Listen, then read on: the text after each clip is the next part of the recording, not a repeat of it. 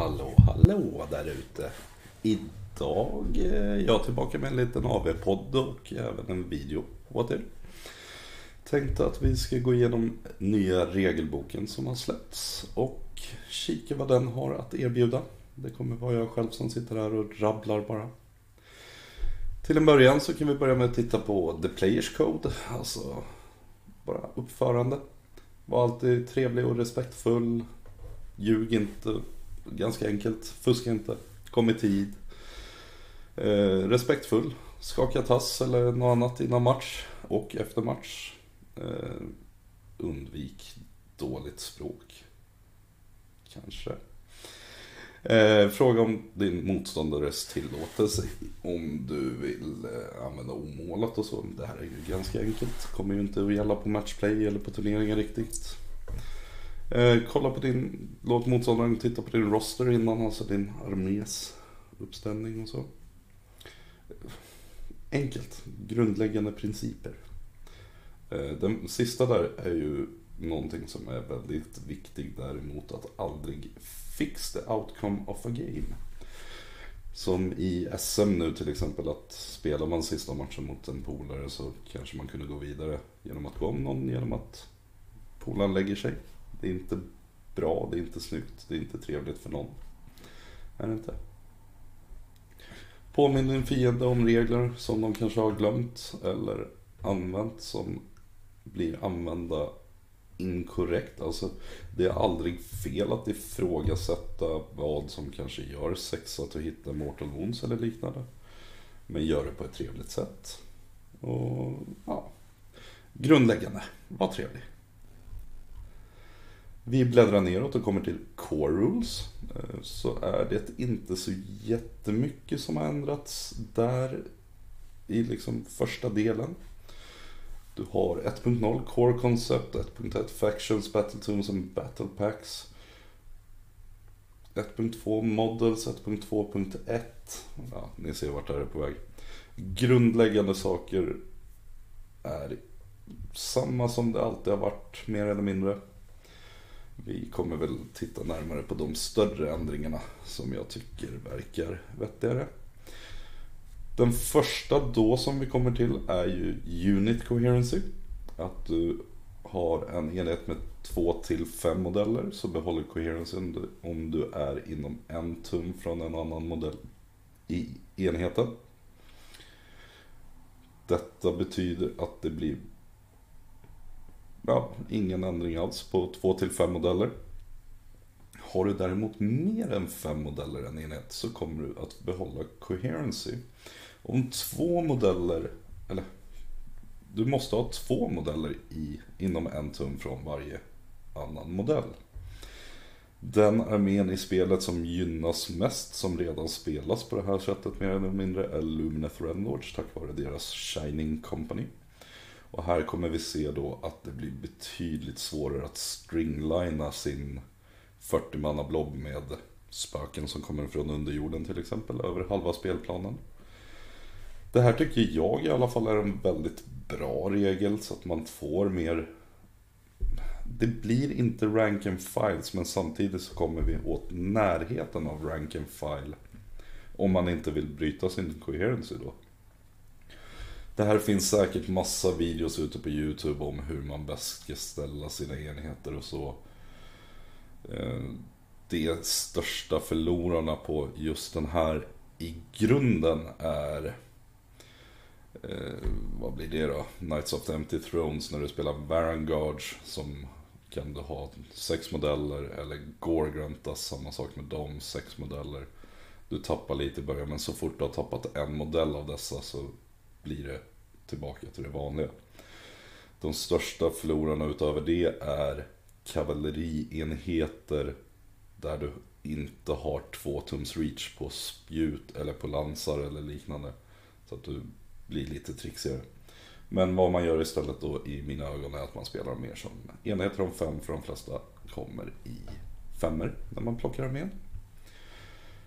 Därefter så har vi att det står lite om Armys Composition, Endless Spells Invocations funkar precis som de har för, gjort förut i hur många du får ta och så. Vi kommer till deras andra ändringar senare. Din general kan använda command points och generera command points. Inga konstigheter med det. Riktigt. Eller jo, att generalen genererar command points kommer vara en stor ändring för, det, för den delen. Mätning, tärningar, roll-off, rerolls, eh, regler som refer till rerolls. För att göra en reroll så gör du som vanligt.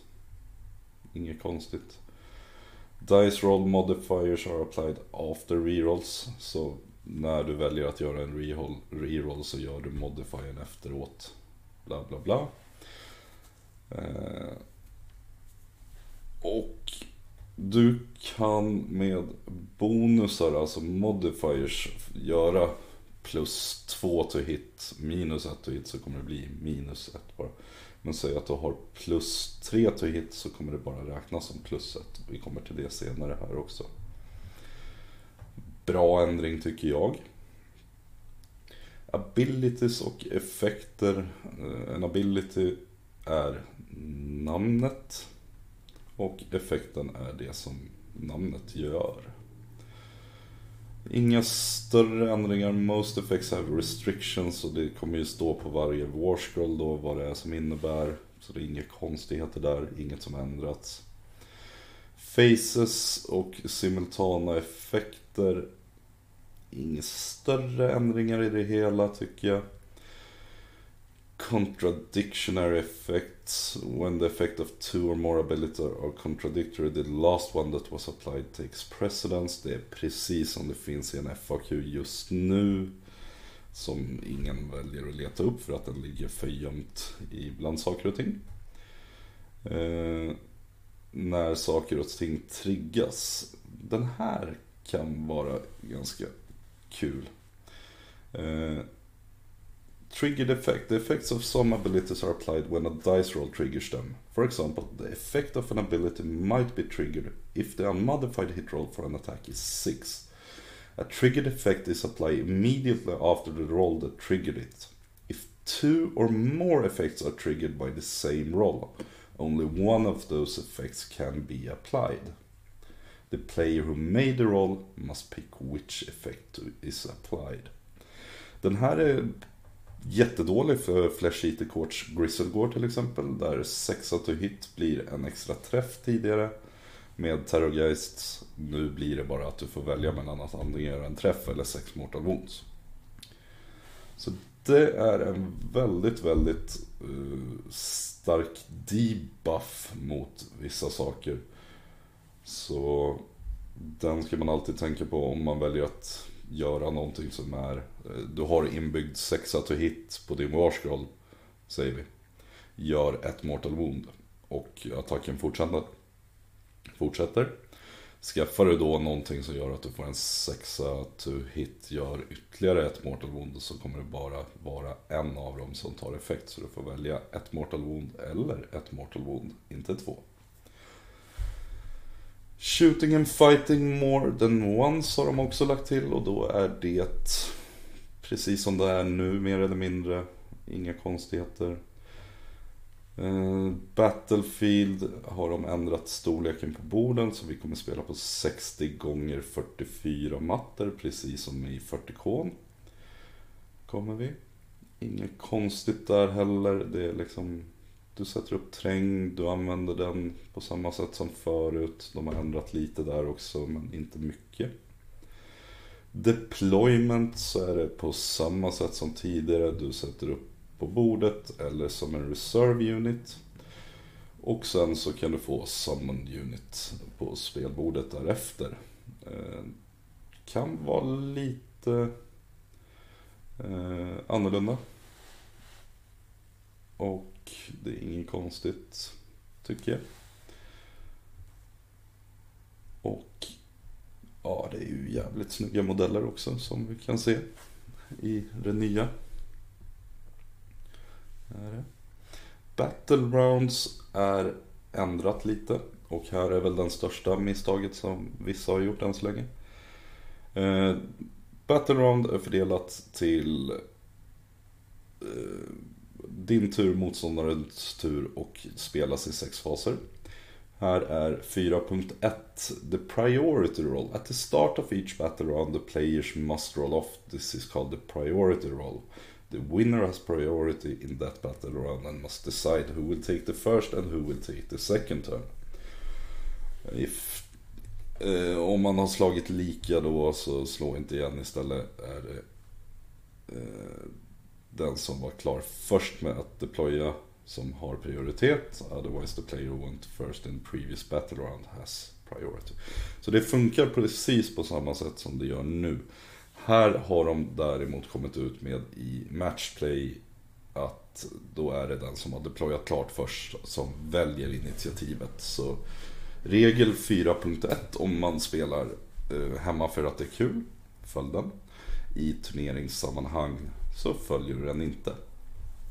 4.1.1 Starting Command Points. Du kommer att få en Command Point för din tur om du går etta. Och går du två i turen så får du två Command Points eller Battle Så där har det ändrats. Och med Command Points nu så är det att man samlar på sig dem samtidigt. Så i starten av Battle Rounden så får man Command Points efter det att den som har valt priority har sagt vem som ska gå etta och tvåa. Så väljer jag att gå etta så kommer jag få en command point för min tur och jag kommer få en extra för att min general är på bordet. Kommer jag. Om jag nu inte har lyckats få han död, helt enkelt. Eh, mm. Och när du använder command abilities så kan du välja en friendly model to issue the command, alltså utfärdare, och en vänlig enhet att ta emot det. Unit Champions kan dela ut commands till sin egen enhet. Hjältar kan dela ut commands till enheter som är helt inom 12. Generaler helt inom 18 och totems helt inom 18. Så det blev lite annat med command points nu. Men framförallt så har de skrivit om det mesta till helt inom. Inte så inom 18 eller inom 6 eller 12 eller liknande. Utan det mesta kommer att omvandlas till helt inom. Och vi kan ju räkna med att nästan alla arméer kommer att få nya böcker inom ett års tid. Eller ett och ett halvt. Vi kan även räkna med att den första stora FAQn som kommer ut kommer ändra väldigt, väldigt mycket. Jag skulle utan problem säga att det här är Age of Sigmar 3.0 Glöm allt du tror att du kan tidigare om det. Det här är ett nytt spel när du börjar spela igen. Du kommer känna igen jättemycket av det och det kommer inte vara några som helst problem med att komma in i det. Men kom in med det med helt frä, fräscha ögon för det kommer ändras så mycket ändå.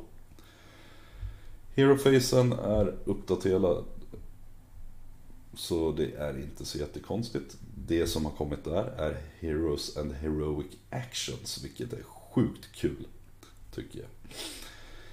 Och då är det i starten av varje spelares tur så får man välja en hjälte var. Eh, jag som tar första turen väljer först. Och då kan jag göra antingen Heroic Leadership, Willpower, Finest Hour eller Heroic Recovery. Baserat på vad jag väljer där, och det är bara en hjälte per tur som får välja någon av de här. Så kan jag antingen få en extra command point på en 4 plus, alternativt 2 plus om min general är död. Jag kan få möjligheten att unbinda eller dispella en endless spell. Jag kan få finest hour på en hjälte, plus ett to wound och plus ett to save på den hjälten till slutet av den turen. Och den är begränsad till once per battle per hjälte.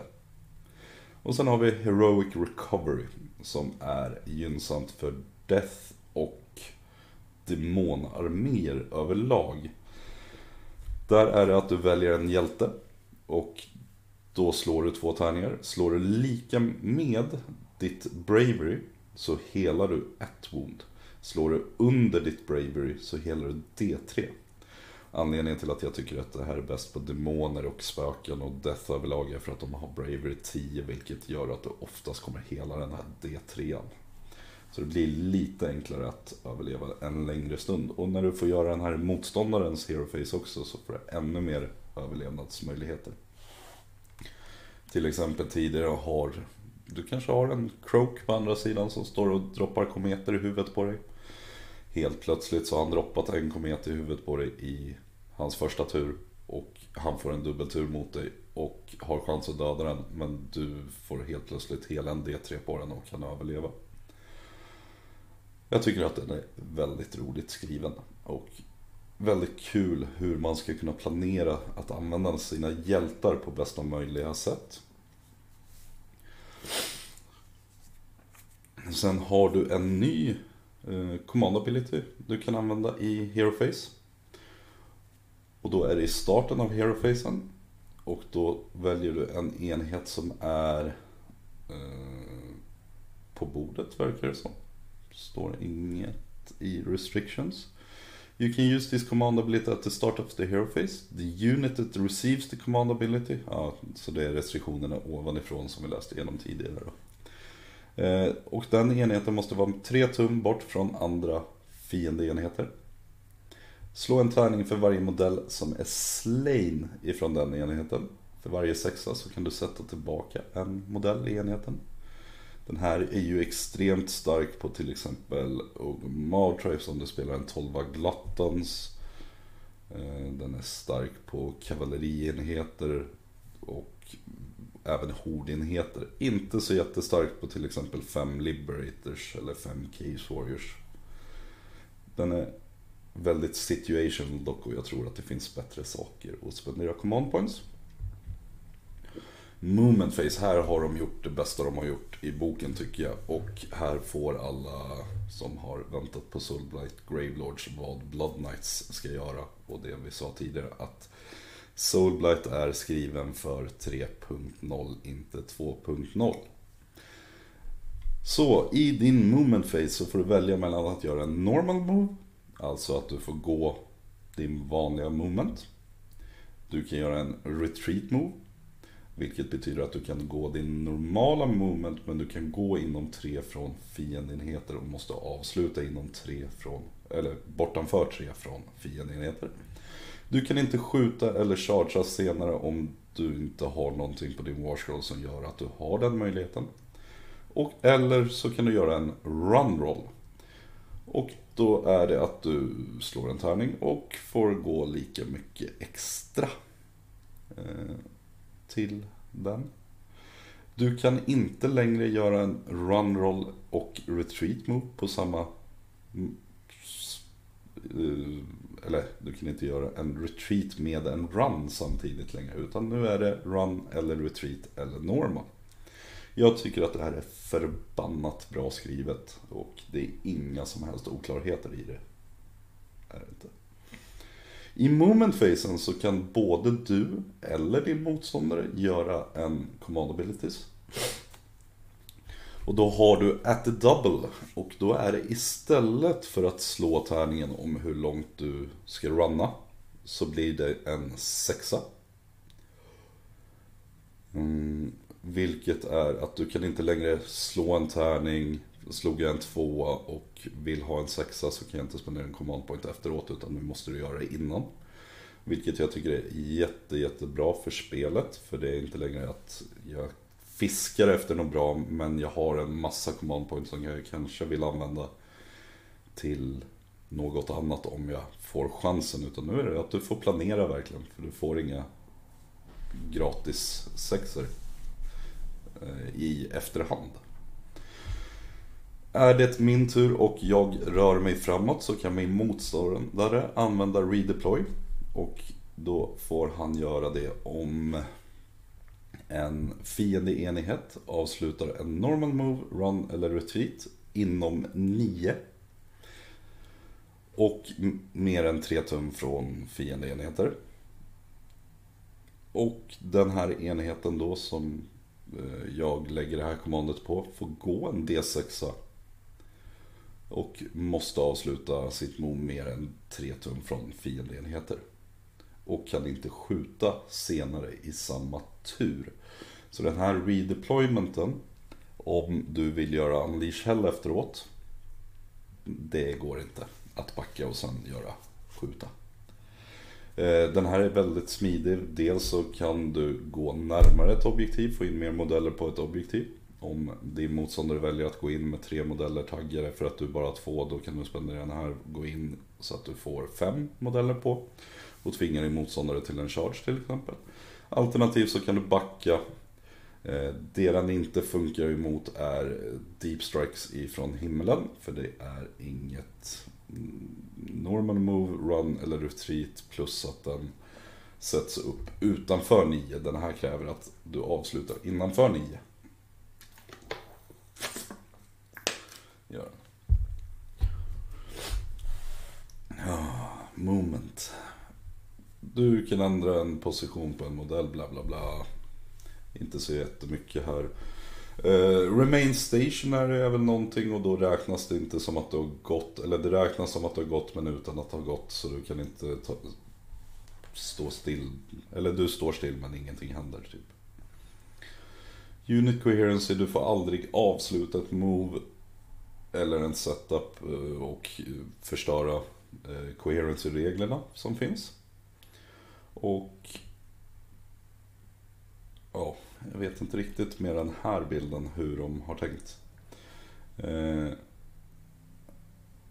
för här är det ändå en trängbit som han bara knatar rakt igenom.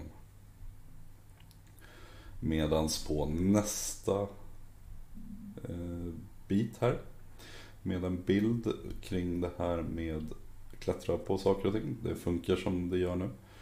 Du mäter vertikalt och horisontellt det de har ändrat med Moment är med Flying Units så är det inte att du mäter rakt fram och sen kommer du gratis x antal tum ner. Utan nu är det verkligen att du ska mäta vertikalt hela vägen.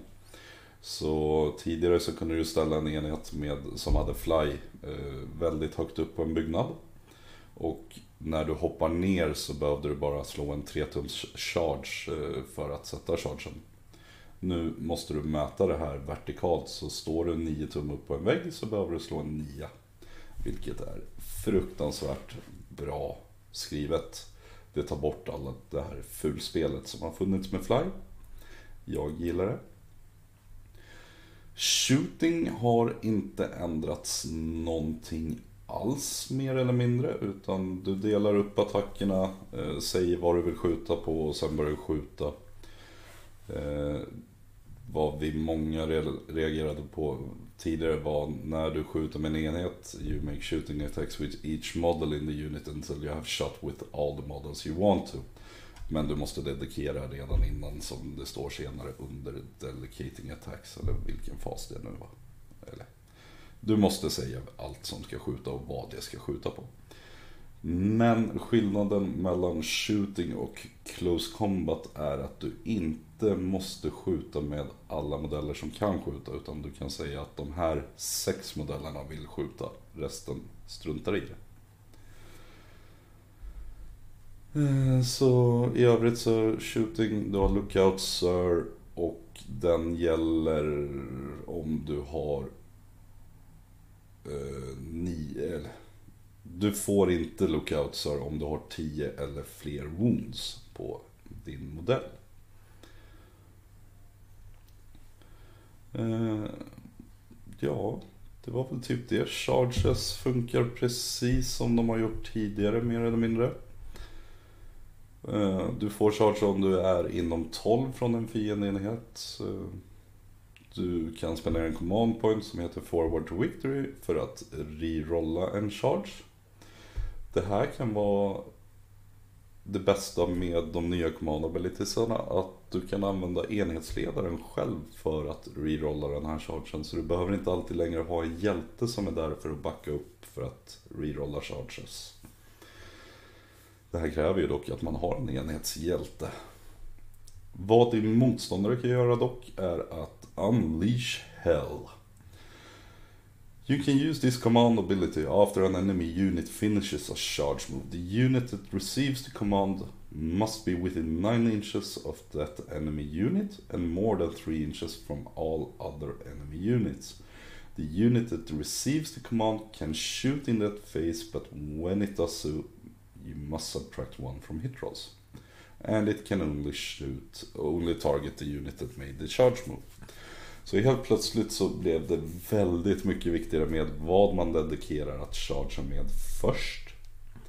För är det så att motståndaren står där med ett fint saftigt skjutingblock så försöker man chargea med en enhet först in i det, bara få någonting inom tre. För då får inte de längre skjuta mot din nästkommande enhet som chargear. Eh, det här kommer vi se mycket kul hända med och jag tycker att det är välskrivet. Det är en sjukt rolig del av spelet att börja planera. För du har ändå inte mer än två, tre command points per tur. Och du har så mycket kul saker du vill använda dem till. Att det är, det är helt löjligt vad mycket kul som kommer hända i spelet. Combat Phase funkar på samma sätt som tidigare. Eh, bortsett från pilins. Och då är det att när du gör en pilin så måste du avsluta närmare enheten, inte modellen som var närmast. Så det är enheten, inte modellen. Och när du har slagit så är det motståndarens tur att slå och bla bla bla. Inga konstigheter. Strike first and strike last effects har de lagt till en liten del om. Och då är det... Vad blir det nu då? If a strike first effect applies to units from both players armies, the player who's alternate fighting with those units, starting with the player whose turn it is. Så det är samma som förut. Uh, om en Ja, men det är som det var i FAQ när Slanesh kom ut. Har jag en enhet som har strike first eller fight start off och du har någonting som ger mig fights last så slår de ut varandra om man slåss i normal ordning. Väl skrivet i regelboken kommer inte vara några konstigheter i sig utan det är bara att njuta av att GW har gjort det bra. Attacker att när du är i närstrid så, och när du ska välja så ska du dedikera och sen börja slå tärningar. Eh, du kan Combined Attacks 13.2.1 är det vi pratade om med skytte tidigare. Att du kan slå allting samtidigt. Om det inte är någonting som gör att viss del av enheten har något annat. Men det det är inga konstigheter. Utan det är väl skrivet. Gör bara som det står, gör som vi har gjort fram tills nu mer eller mindre. Eh, det är bra. Här kommer vi till det här med hit, wound och save rolls. Eh, det funkar precis som förut. Bortsett från att du Eh, vart står det nu då? Uh, a hit roll cannot be modified by more than plus one or negative one. Och det är samma sak på wound roll. Så plus ett, minus ett. Så du kan aldrig få plus tre to hit. Utan du är cappad till plus ett. Och samma sak på wound rolls. Återigen, sjukt skönt att det här kommer in i spelet. Eh, tar vi till exempel Flamers som ska skjuta på en enhet med 60 grots, säger vi. Så skulle Flamers i grund ha plus 1 to hit för att du har 10 eller fler modeller. Plus 2 för att du har 20 eller fler modeller. Och plus 3 från att ha en Exalted i närheten. Det gör att de går från 4 plus till 1 plus to hit. Nu skulle det här bli 3 plus. För du kan inte få mer än plus 1. Vi kan ta att den här enheten med Flamers skjuter på Plague Bearers däremot. Med samma förutsättningar. Då kommer de ha plus 3 to hit, men de kommer även ha minus 2 to hit. Eller om det är 3 till och med, så slår de antingen ut varandra eller att du bara får plus 1 to hit. Alternativt så är det att en enhet skjuter på Plague Bearers med minus 2 eller 3 to hit, vad det nu är. Så blir det bara minus 1. Så jag gillar det. Det gör att spelet får lite mer djup i sig. Det blir inte lika auto att få ner saker på 2 plus 2 plus. Eller någonting åt det hållet. Saving rolls däremot. Eh, där kan du bara få plus 1 för renden går igenom. Men det är ju fortfarande att du kan stacka flera plus 1 på varandra. Så när motståndarens rend är två har du plus 3 på save så blir det plus 1. Och sen damage delas ut som vanligt, allokera wounds. Så fort du har allokerat på en modell så är det den som måste fortsätta ta det. Eh, där kan det vara viktigt att komma ihåg om en enhet helas upp till fullt att det är fortfarande en modell som har allokerats wound. Så att man inte ställer han i mitten av en enhet för då är det han som måste dö först sen. Men det är mindre detaljer och där är det mer gentleman agreement om man teleporterar en enhet eller så. Att fan, börja om den där. Det kan spela roll i vissa fall men inte så mycket.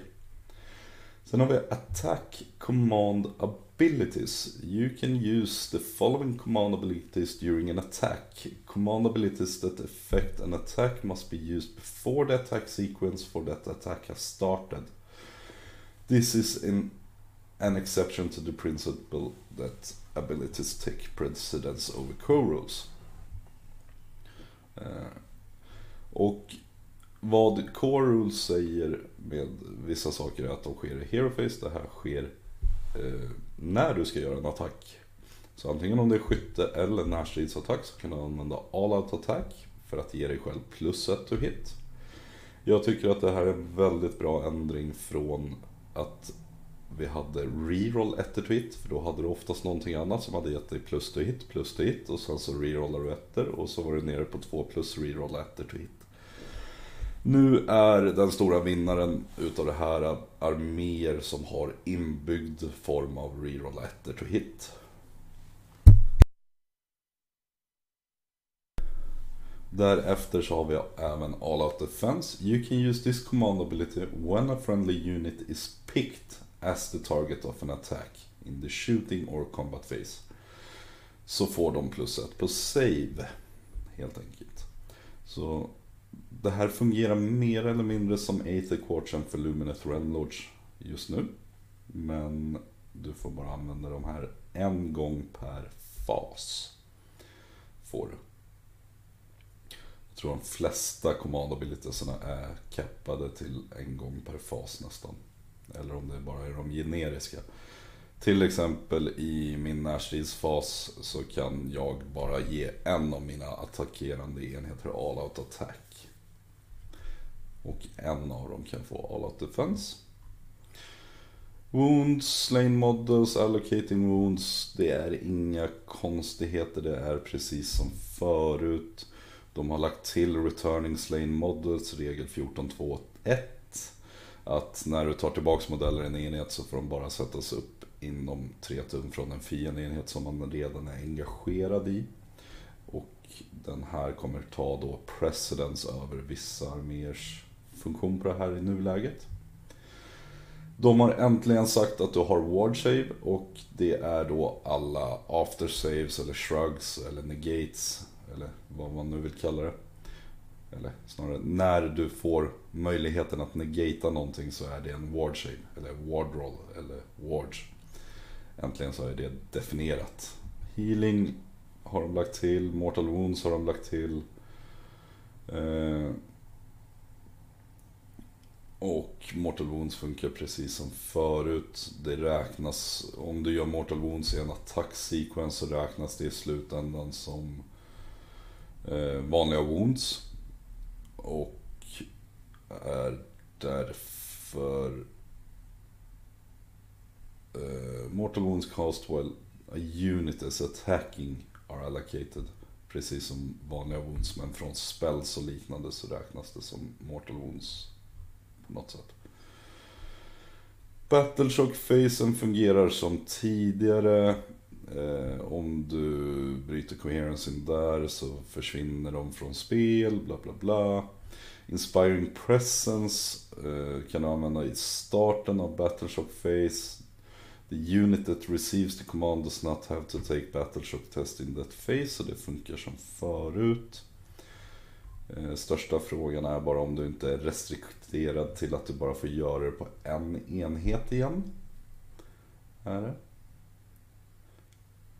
Eh, jag tror, jag ska inte säga med hundraprocentig säkerhet, men jag för mig att, eh, nu ska vi se, där någonstans. Vi ska gå tillbaka här i reglerna och kika om vi kan hitta det.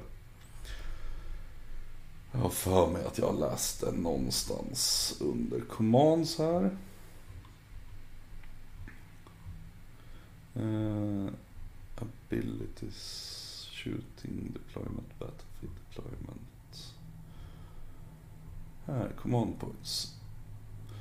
Uh, to use a command ability you must spend one command point pick one friendly to issue the command unless noted otherwise the models that issue commands. Each command ability will say when it can be used and what effect it has on the unit that receives it. A model cannot issue more than one command in the same phase, and a unit cannot receive more than one command in the same phase. In addition, you cannot use the same command ability more than once in the same phase, even for different units. Så det blir väldigt restrikterat till hur, när, var, vem ska få command points. Eh, sjukt kul att se folks resurshantering. Ska det bli. Nu ska vi bara få datan att jobba på så att vi kommer ut till vart vi nu var. Wizards, bla bla bla, bla bla. Mm -hmm. Börjar närma oss här, borde vi vara. Faction terrain and terrain. Holy on terrain och behind terrain är vad de har dedikerat saker till att heta nu. Helt på en terrängbit är precis som förut behind terrain är att om du står, Nu har de kriterier för det här. Uh, the target unit is more than 3 inches from the attacking unit, så gäller inte närstrid. All of the models in the target unit are within one, in one inch of a terrain feature. It is impossible for the attacker to draw a straight line from the closest point of the model in the attacking unit to the closest point of a model in the target unit without a line passing across terrain feature. Och då är det att du står i cover mer eller mindre. Det finns ett par fina bilder här också. Att han som skjuter ifrån sidan här, han skjuter rakt på. Medan den andra killen får skjuta eh, med cover-effekt. Och då är det att du har plusset på saven. Så det är precis som förut, mer eller mindre jag tror till och med att det här behind terrain fanns eh, i 2.0 också men det var aldrig någon som tänkte på att kolla på det eller liknande. Så det är inga nyheter som alls. Som helst. Defensible terrain är byggnader och så som du tycker att det ska gå att garrisonera. Och eh, alltså byggnader, fortifikationer och liknande. Så det är precis vad Garrison är. Eh, large and very large terrain. Eh, spelar man med saker som är 12 till 19 tum eh, stort på sin längsta del mellan finish to end. Så räknas den som två trängbitar och är den mer än 19 tum lång så räknas den som fyra trängbitar på spelplanen. Eh, och eh, spelar man med ett hus eller så som går att garrisonera och följer large eller very large terrain så kan man få in fler modeller än, eh, än vad Garrison normalt sett kan. Sen har vi Wildwood Terrain och det är då skogar. Det vi väljer att kalla skogar. Det kommer inte nödvändigtvis vara de skogar som är på spelplanen, säg. Eh, eller som är på bilden här. Utan varje spelförening eller spelgrupp delar, dedikerar liksom att ja, men vi tycker att den här biten ska vara eh, skog. Och då är det att skog blockar line of sight mellan två modeller. Om man drar en fejkad linje som går igenom skogen mer än 3 tum. Och väljer, står jag bakom en skog och du står på andra sidan skogen så kommer det automatiskt vara att du inte syns. Så vidare din modell inte har ett wound characteristic på 10 eller mer. För då räknas det som att du är för stor för att blockeras utav en skog. Du syns ändå. Så inga mer Sons of Bemat som kan vara typ tre gånger så stora som en skog och inte synas. Vad som inte framgått helt och hållet men som det verkar så spelar inte det här någon roll för Fly. Eh, eller det spelar roll för Fly, för Fly kan inte längre se rakt över en skog utan de får behandla den som vanligt. Vilket är väldigt bekvämt. Garrisons kan du sätta in 60, 30 eller 15 modeller i. Eh, 15 är en liten, eh, 30 är en large och 60 är en very large. Eh, anledningen till att jag tror att de har tagit med det här är mer för narrativt spel med sieges och liknande. Och models with a wound heuristic of 10 or more cannot garrison. Du kan joina en garrison och då får du plus ett på hit. Eller motståndare får minus ett to hit och du får plus ett på saven. För att hoppa in i en garrison så måste alla modellerna vara inom 6 tum. Och när de sätts upp igen så måste de vara inom 6 tum och mer än 3 tum bort från fiende. Samma sak att du inte kan hoppa in i en garrison om det finns fiender i den eller om det finns fiender inom 3 tum från den. Här är en rolig del som de har lagt till däremot och det är Demolish. Uh, sometimes a rule will allow you to demolish a defensible terrain feature. Vi tittar då på Kragnos och jättarna tänker jag överlag. Och då är det att uh, slår du sönder garrisonen och det är modeller i den så slår en tärning för varje modell på en etta så är de slain. Och eh, surviving models får sättas upp inom 6 från trängbiten och 3 tum från fiendemodeller. Så det där 60-blocket som kanske satt i en garrison om man nu spelar på så sätt.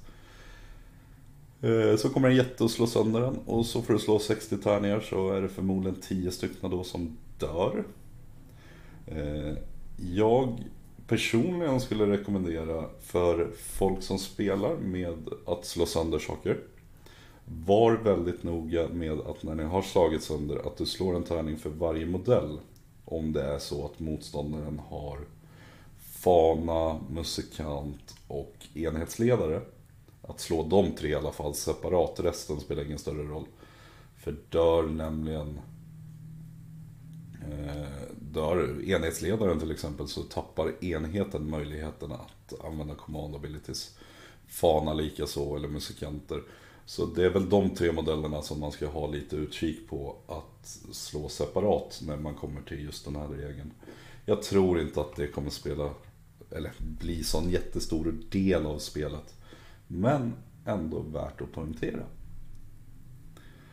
Objektiven behåller sin storlek så det är 6 tum. Funkar precis på samma sätt. Med den lilla ändringen att du tar kontroll över dina objektiv du står på efter setupen är klar och innan första battle rounden börjar så tar man kontroll av objektiv som är inom 16 från friendly models och eh, inga fiender där liksom. Så redan innan matchen börjar så tar man kontroll över objektiven. Det betyder att i ens egen tur så kan man börja springa över banan. Tidigare så var det en stor fördel att gå tvåa. Eh, framförallt den armén som gynnas mest av det här är Sons of Bemant med Kraken Eater. Som står på ett objektiv och kan börja spela fotboll med det i sin egen tur 1. Så det ska bli kul att se att liksom de här Sons of Bemant börjar springa över planen det första de gör. Contesto-objektiven har fått en liten ändring. Och det är att om du inte spelar Sons of Behemoth eller Ogre Maltribes så har du dina egna speciella regler. Men monster räknas som fem modeller. Eh, hjältar som inte är monster eller modeller med fem eller mer wounds räknas som två modeller. Och resten räknas som en modell fortfarande. Det finns en liten exempelbild här där en Stardrake är på objektiv räknas alltså som 5. En hjälte för 6 och 7. Och sen fem små gubbar så 12. Wizards funkar på samma sätt som tidigare. Inga större ändringar där. De har lagt till vad som räknas som vad bara. Den roligaste skillnaden är dock att vi har fått miscasts. Och då är det på en unmodified casting roll of 2. På dubbel alltså. Så gör du en miscast och spellen misslyckas och du tar D3 Mortal Wounds. Och får inte fortsätta kasta mer spells. Så till exempel eh, Nagash ska kasta sin första spell och slår en dubbeletta. Ja, helt plötsligt så tar han D3 Mortal Wounds. Och han får inte kasta sina sju kvarvarande spells. Kul. Riktigt kul. Och unbinding är fortfarande inom 30. Du ska slå, eller du ska ha någon som får göra det och slå 2D6 och slå över casting value och så vidare. Eh, alla spells har ett casting value följt av en effekt och en range och eh, det räknas som en effekt eh, för rules purpose. Så det är väldigt välskrivet eh, hur det funkar. Arcane Bolt är väldigt spännande och nytt och det är att den har en casting value på 5. 12 tums reach. Men du kastar den inte direkt utan du får, säg en magisk liten boll som cirkulerar kring din kille som har den. Säg att det är Nagash som har den då. Så Nagash kan tekniskt sett ladda upp med åtta stycken små Arcane Bolt som ligger och cirkulerar runt honom. Sen har du fram till din nästa hero face på dig att släppa lös dem. Och då är det att du får välja en fiendeenhet inom 12, synlig till casten. Och då får du välja det här i starten av en face bara. Din eller motståndarens. Och då gör du ett Mortal Wound på den modellen Alternativt D3 Mortal Wounds om den fiendemodellen är inom eh, 3 tum. Så Nagash har de här åtta bollarna, springer över planen, chargear någonting och i start of combat så bara, nej men nu släpper jag loss 8 D3 Mortal Wounds in i dig. Och sen så tror jag nog att du är död. Mer eller mindre. Vi har även Mystic Shield som har ändrats och då är det casting value på 5. Eh, range på 12. Om den lyckas så får du välja en friendly unit. Wholly within range, så helt inom 12. Och då får de plus 1 på save. Fram till din nästa hero face. Så står du med Mystic Shield då tillsammans med att du står i cover så har du plus 2 på saven. Det betyder att har du ett 4 plus save och eh, någonting slår på dig så kommer du ha ett 3 plus eftersom vi inte kan stacka det här längre än plusset. Står du i cover och har plusset på saven från Mr. Kiel och någonting kommer och slår på dig med ett i run så har du också 3 plus. Så det du gör det är att du börjar ta, ta och negata rend snarare än att någonting annat. Endless spells funkar på samma sätt som tidigare. Du får kasta dem en gång per wizard. Och eh, restriktionerna på det här kommer att bli lite annorlunda. För vi kommer få nya warscrolls till våra endless spells som kommer att eh, ändra på rätt mycket. Eh, units of wizards. Eh, If a unit with the wizard keyword has more than one model, it counts as a single wizard for the rules purpose, and you must pick one model in the unit with which to cast or unbind the spell before you attempt to cast or unbind it. Determine the range and visibility for the attempt using that model. Till exempel Lumineth Remlodge, där har de ju dedikerat vilken av modellerna i enheten som är Wizard. Nu krävs det att du gör samma sak med till exempel Evocators Stormcasts. Att det är en modell där i, det inte liksom hoppar fram och tillbaka eh, mellan olika. Eh, eller jo, det är fortfarande att du hoppar fram och tillbaka men du måste säga vem i enheten du castar med. Till exempel. Eh, och Endless Spells stannar på bordet. Vi kommer till vad här Predatory Endless Spells. Och där är det nu att det finns antingen Controlled eller Wild Endless Spells. En Predatory som är Controlled ska vara inom 30 tum från magikern som har kastat den. Och du kan bara ha kontroll över en Endless Spell som är Predatory eh, per Hero Face. Så säg att jag har två Endless Spells på bordet som är Predatory. Som är båda kastade med en och samma modell. Så kommer den ena att vara kontrollerad och den andra kommer vara vild. Den som är kontrollerad så är det bara jag som får gå med den. Och den som är vild så får man se turordning på vem som får gå med den. Det här gör mer eller mindre att Serafons eh, Bound Endless plötsligt finns för alla. Största skillnaden är att eh, de Bound fortfarande är lite bättre. De är fortfarande kastade från samma Wizard men där kan samma Wizard ha flera Bound igång samtidigt. Och det kan vara värt de här 10 poängen extra per Endless som eh, Serafon betalar i nuläget. Så det kan ha varit skrivet lite med 3.0 i åtanke när Serafon kom där med Bound. Eller så har de bara ändrat det i efterhand. Prästerna har fått lite ändringar och det är att de får försöka binda nu. Eller istället för att göra en chant så får de göra en unbind. Eh, de får även försöka ta bort andra prästers invocation. De alla får två generiska. Då är det bless och då får du på en 4 plus ge en friendly unit helt inom 12 ett 6 plus ward. Och du har även smite att du kan välja en fiende präst och göra ett mortal wound. Slog du en sexa på den så är det D3 mortal wound. Den har en range på 48 tum. Men det är en prästfight helt enkelt. Invocations, alltså Endless Prayers och så från Fireslayers, Korn, Daughters of Cain har någon också. Så kan man försöka att ta bort dem med sina egna präster.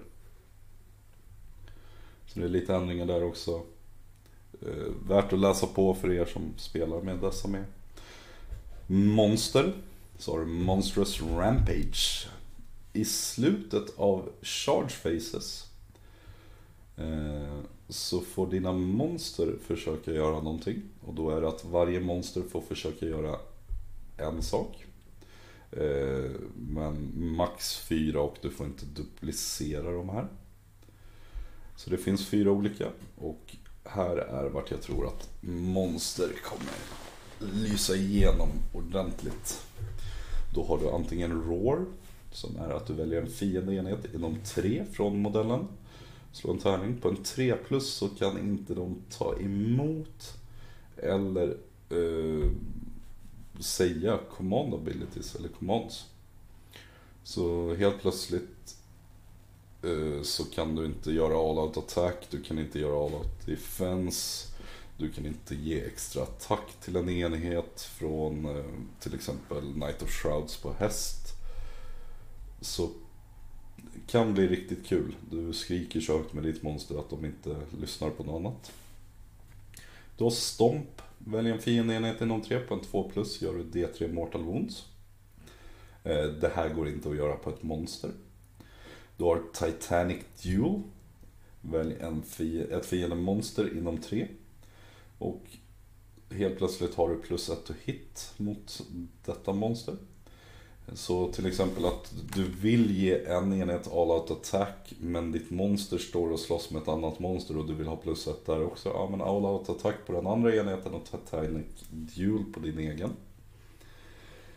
Smash to Rubble. Och här kommer det här med Garrisons in lite igen då.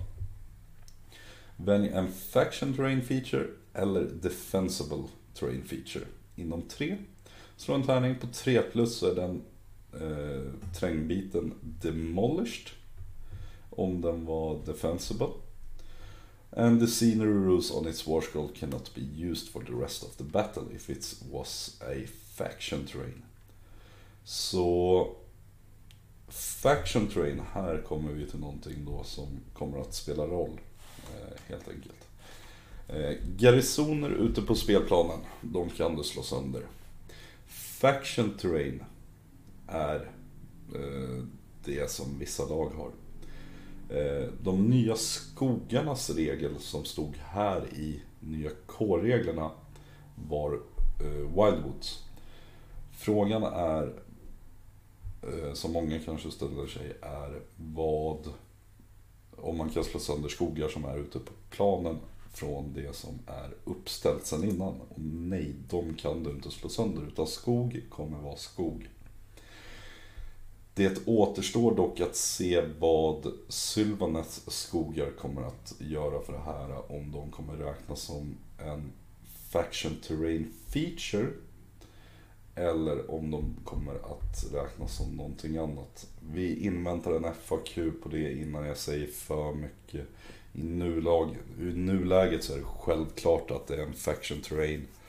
Men det kommer att kanske ändras. Det finns mycket som kommer behöva FAQas från 2.0 till 3.0 i gamla böcker. Men självaste reglerna de har skrivit tycker jag är jättevettiga.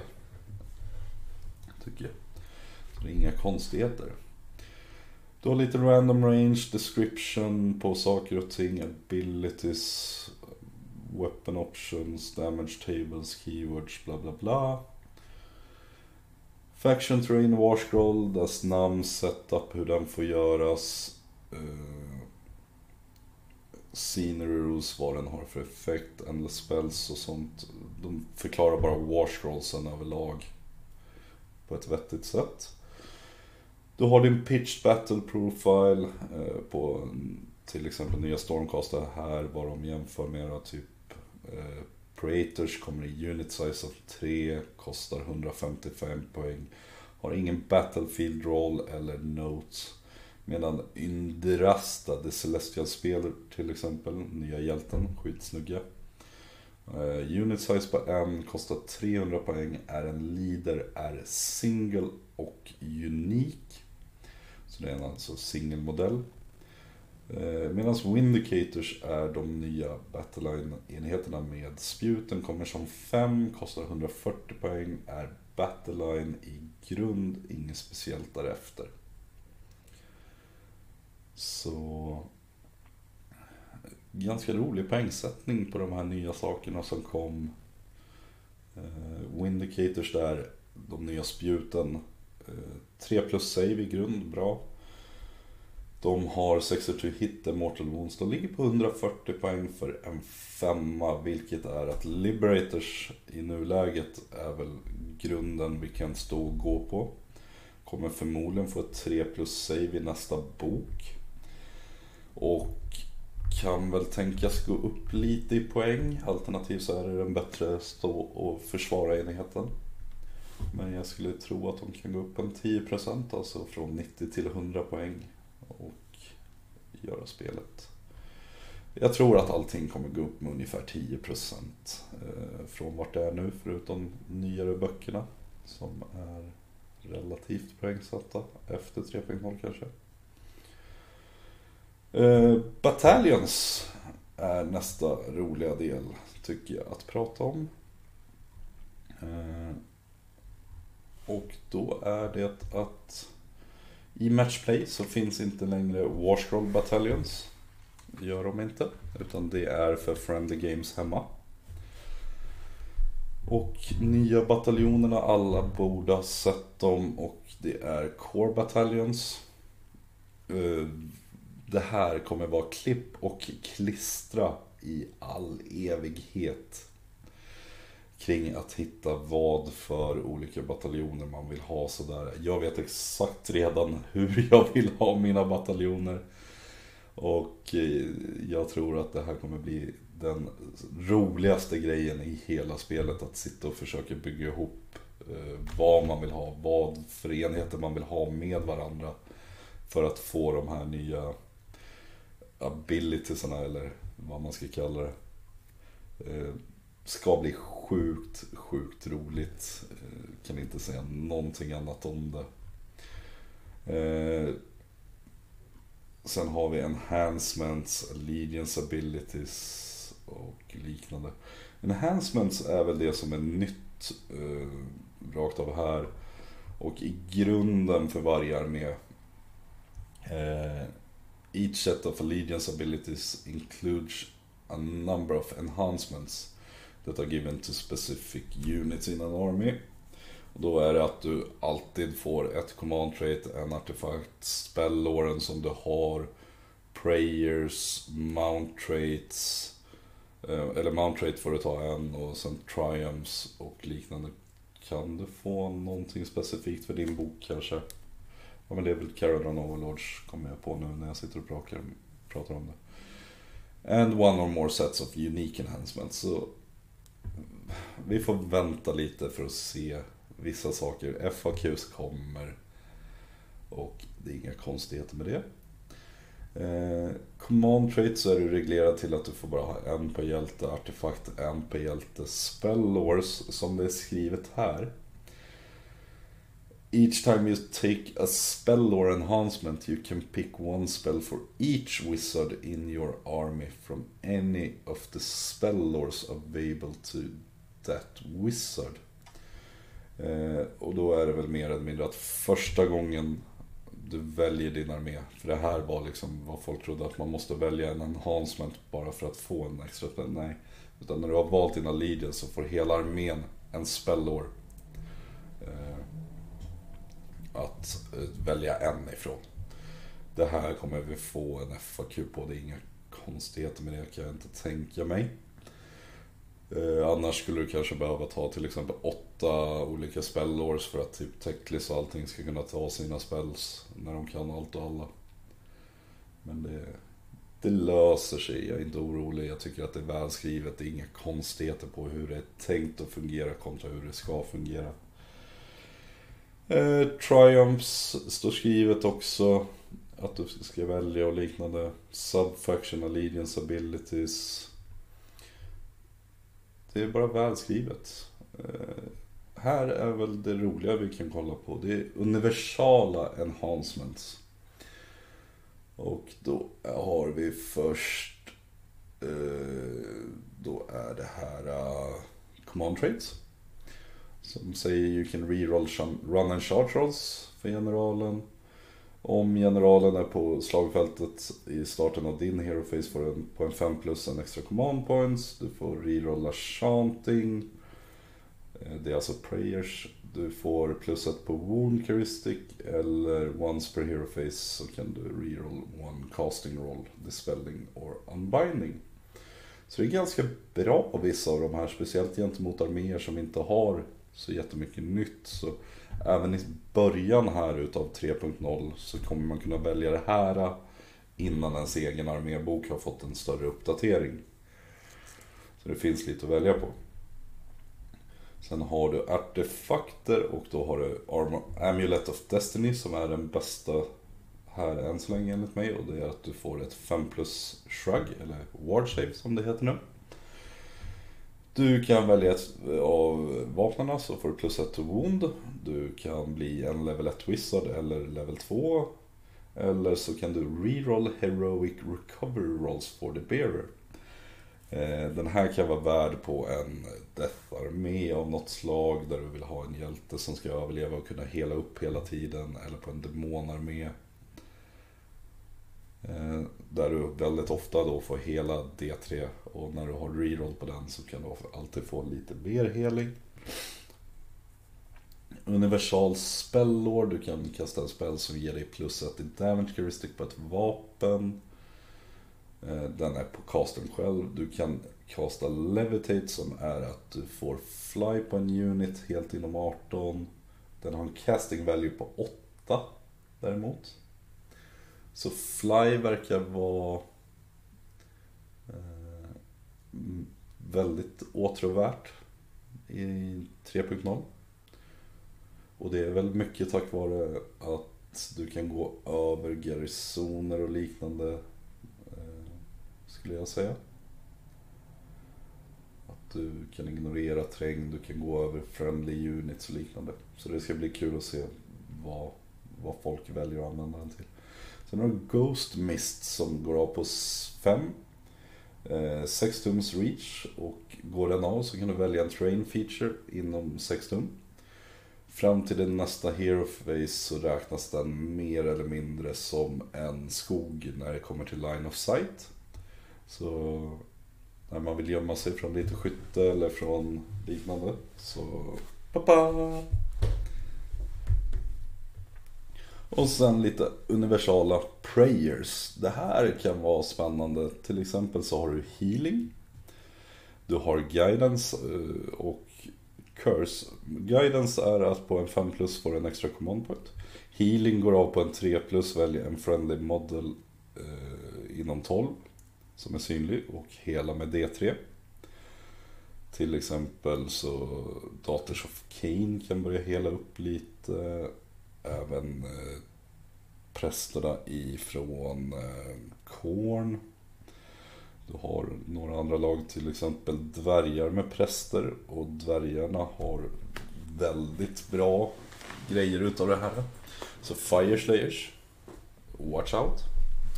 Och sen har du Curse den går av på 4 plus och en reach, range på 9. Om den går av så väljer du en fiendeenhet inom range och som är synlig fram till din nästa hero phase. If the unmodified hit roll for an attack that targets that unit is 6, that unit suffers one mortal wound in addition to any normal damage. Fire Slayers kastar yxor Yxor är inte bra överlag i grund. Nu gör yxor som kastas helt plötsligt Mortal Wounds på 6 Hallå FireSlayers, titta på er. Eh, så den där kan bli väldigt kul att se ut i spel. Och sen så Triumphs har de ändrat igen och då är det once per battle att du kan få rerolla en charge. Du kan få once per battle att du blir inspired och då får du plus ett to wound rolls.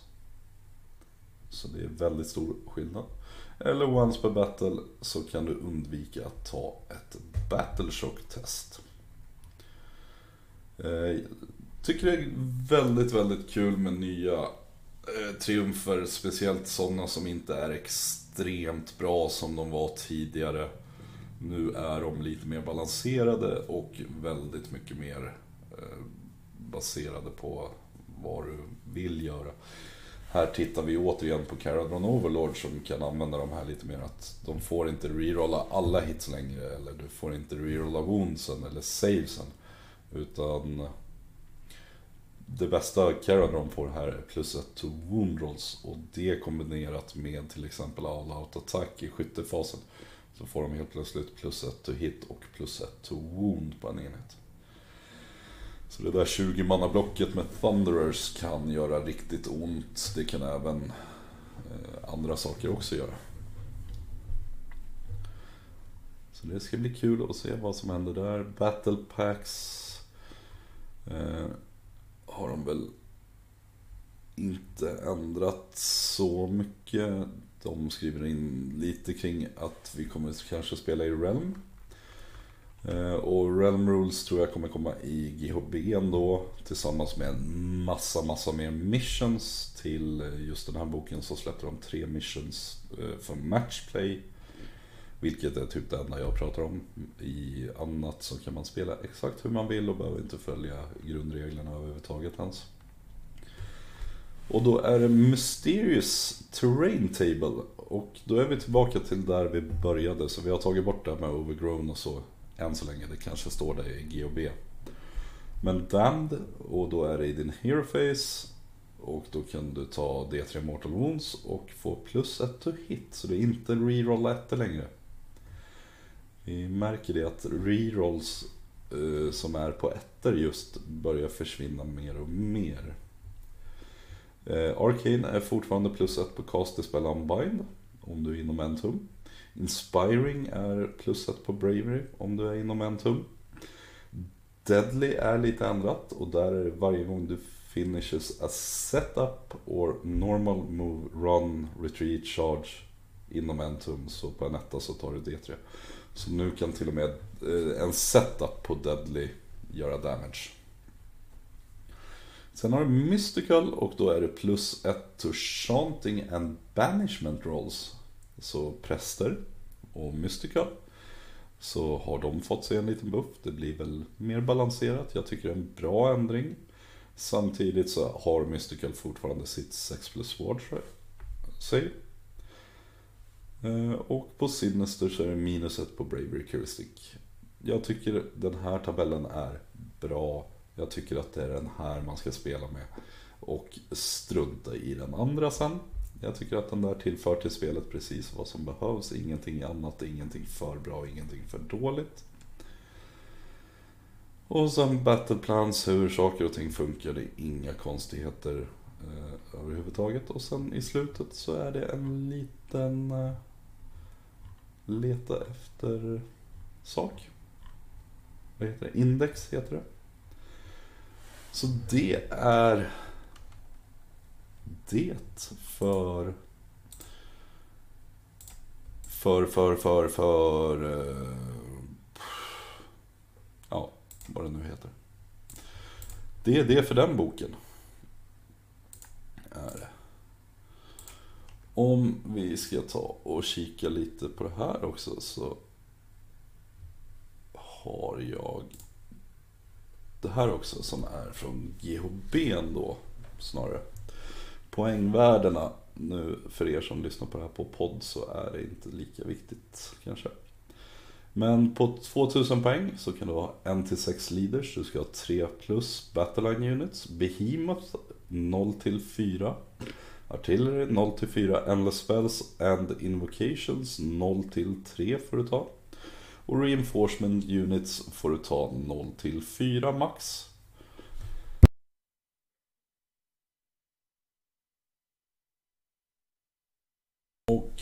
0 till 1 av varje typ som är under strength som jag inte förstår varför man någonsin skulle vilja ta. Spelbordet på 1500 poäng upp till 2000 rekommenderas 44 gånger 60 Och recommended minimum number of terrain features är 8. Så det kommer vara en fin liten mix i det hela där. Eh, för er som spelar Kota, alltså våran interna King of the Asylum turnering, så kan jag rekommendera att kika väldigt mycket på hur ni skulle bygga en 1500 poängslista. Kan jag. Det är ett format som jag gillar skarpt. Eh, det kommer att ta bort, för i 1500 eller i matchplay överlag så får ingen enskild enhet överskrida halva, po eh, halva poängen för totala armén. Så spelar du 1500 poäng så får ingen enhet kosta mer än 750 poäng. Så därav på 1500 poäng så kommer man aldrig kunna spela med Arkion, Nagash eller Kragnos eller vissa av de här. Utan man får börja spela mer normala arméer och plocka bort God level ifrån borden. Eh, ska jag speltesta det lite först och se vad vi tycker om det. Andra anledningen till att vi kanske siktar på 1500 poäng till kotan är att jag tror att man ska kunna spela fyra matcher på en vettig time limit. När man börjar bli lite inspelad på det hela. Och då att kunna spela våra endagars Endagars-kota på 1500 poäng, fyra matcher och de som är två dagars, då spelar vi 2000 poäng och fem matcher. Men vi ska hinna speltesta det där lite och få en känsla för vad vi tycker innan vi säger bu och bä om det. Så där har vi lite info om de nya reglerna och vad jag tyckte. Resten av er, eller resten av er. I framtiden här så kommer det absolut komma mera. Vi kommer att speltesta, vi kommer att pröva på saker. Just nu är det GOBn vi ska invänta helt först och främst. Hoppas ni har uppskattat att lyssna på mig rambla lite om det här och så ses vi i lokalen inom kort. Eller på andra ställen. Ta hand om er. Ciao.